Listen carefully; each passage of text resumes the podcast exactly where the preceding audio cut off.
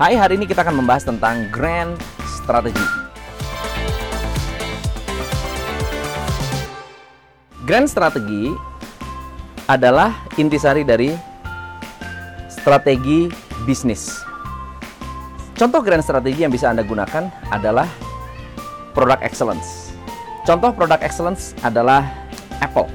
Waktu Apple membuat produk, rata-rata dia tidak akan mau kompromi. Dia tidak mau kompromi, dia mau desainnya bagus.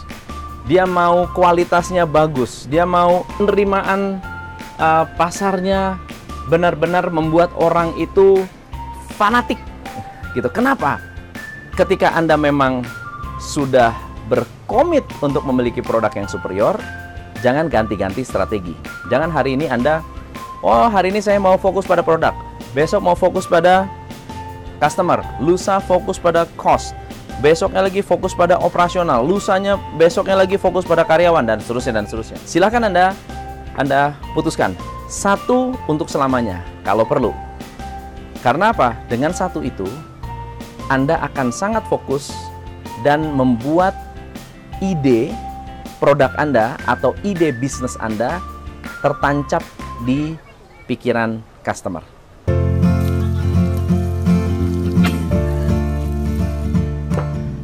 So, contoh grand strategi lain.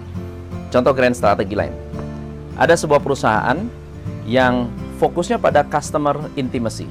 Saya ambil satu contoh seperti misalnya Singapore Airlines. Singapore Airlines itu fokus kepada service kepada kepuasan customer. Mereka benar-benar maka orang bilang wah eh, pelayanan Singapura Airlines luar biasa. Eh, kalau ada masalah mereka benar-benar menanggapi dengan sangat-sangat serius. Ada banyak sekali uh, kasus ketika ada customer yang mengalami uh, problem dengan dengan pesawat, dengan makanan, dengan uh, flight delay. Uh, Singapore Airlines bisa begitu cepat dan juga menciptakan recovery yang luar biasa. Oke. Okay? Pertanyaan saya adalah apa grand strategi Anda? Yang ketiga contoh grand strategi. Anda fokus pada cost rendah, bukan fokus pada harga murah. Kalau Anda fokus pada harga murah, harga murah, Anda bisa kehilangan margin. Tapi kalau Anda fokus pada biaya yang rendah, Anda akan memiliki profit yang baik. Contoh, Air Asia mungkin harganya murah, tetapi bukan berarti tidak menguntungkan Southwest Airlines bisa jadi harganya murah, tetapi bukan berarti tidak menguntungkan. Yang menarik adalah keuntungan Southwest Airlines dibandingkan dengan keuntungan SQ, mungkin Southwest Airlines jauh lebih menguntungkan. Karena fokus dia ada pada low cost. Low cost artinya dia menciptakan sebuah sistem sebuah strategi untuk membuat semua kegiatan operasionalnya benar-benar murah meriah. Saya ambil contoh. Mereka menggunakan pesawat yang sama, misalnya Boeing 737 untuk semua penerbangan.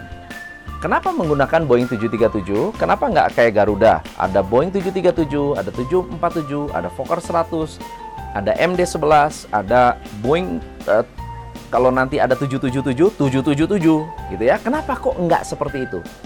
Karena maintenance-nya murah. Kedua, karena fuelnya murah. Yang ketiga, kalau rusak bisa kanibal. Tidak, misalnya contoh saya punya Boeing 747, saya punya Boeing 777. 747 rusak, ya rusak, harus beli uh, spare part Boeing 747 tetapi kalau saya 737 sama-sama 737, kalau di sini rusak, kita bisa pinjem spare part dari pesawat lainnya, kanibal. Nah, ini namanya low cost strategi. Berarti yang dipikirkan adalah bagaimana caranya supaya saya low cost. Baju apa yang low cost tapi menarik sehingga mereka tidak menggunakan batik yang mahal, jas yang mahal. Mereka pakai baju yang sederhana, jeans, kaos, seperti Air Asia menggunakan baju yang cukup uh, sederhana, tetapi bukan berarti murahan. Nah, Low cost bukan berarti murahan. Bisa jadi no frills. No frills artinya nggak dikasih makan dan minum, Anda harus bayar makan dan minum. Tapi konsekuensinya apa? Anda bisa terbang dengan harga yang murah. Ada beberapa perusahaan lain menggunakan satu grand strategi yang cukup menarik, yaitu people excellence. Ini sangat luar biasa. Kenapa? Karena mereka memfokuskan energi mereka untuk mengembangkan manusianya. Ketika manusianya, budayanya kuat untuk benar-benar disaingi itu berat banget. Susah sekali untuk menyaingi perusahaan yang karyawannya hebat. Nah, ini ada di Jawa Tengah, di Kendal dan grupnya besar sekali. BPR, ada beberapa perusahaan lain di luar BPR, misalnya SPBU dan seterusnya, fokusnya pada corporate culture.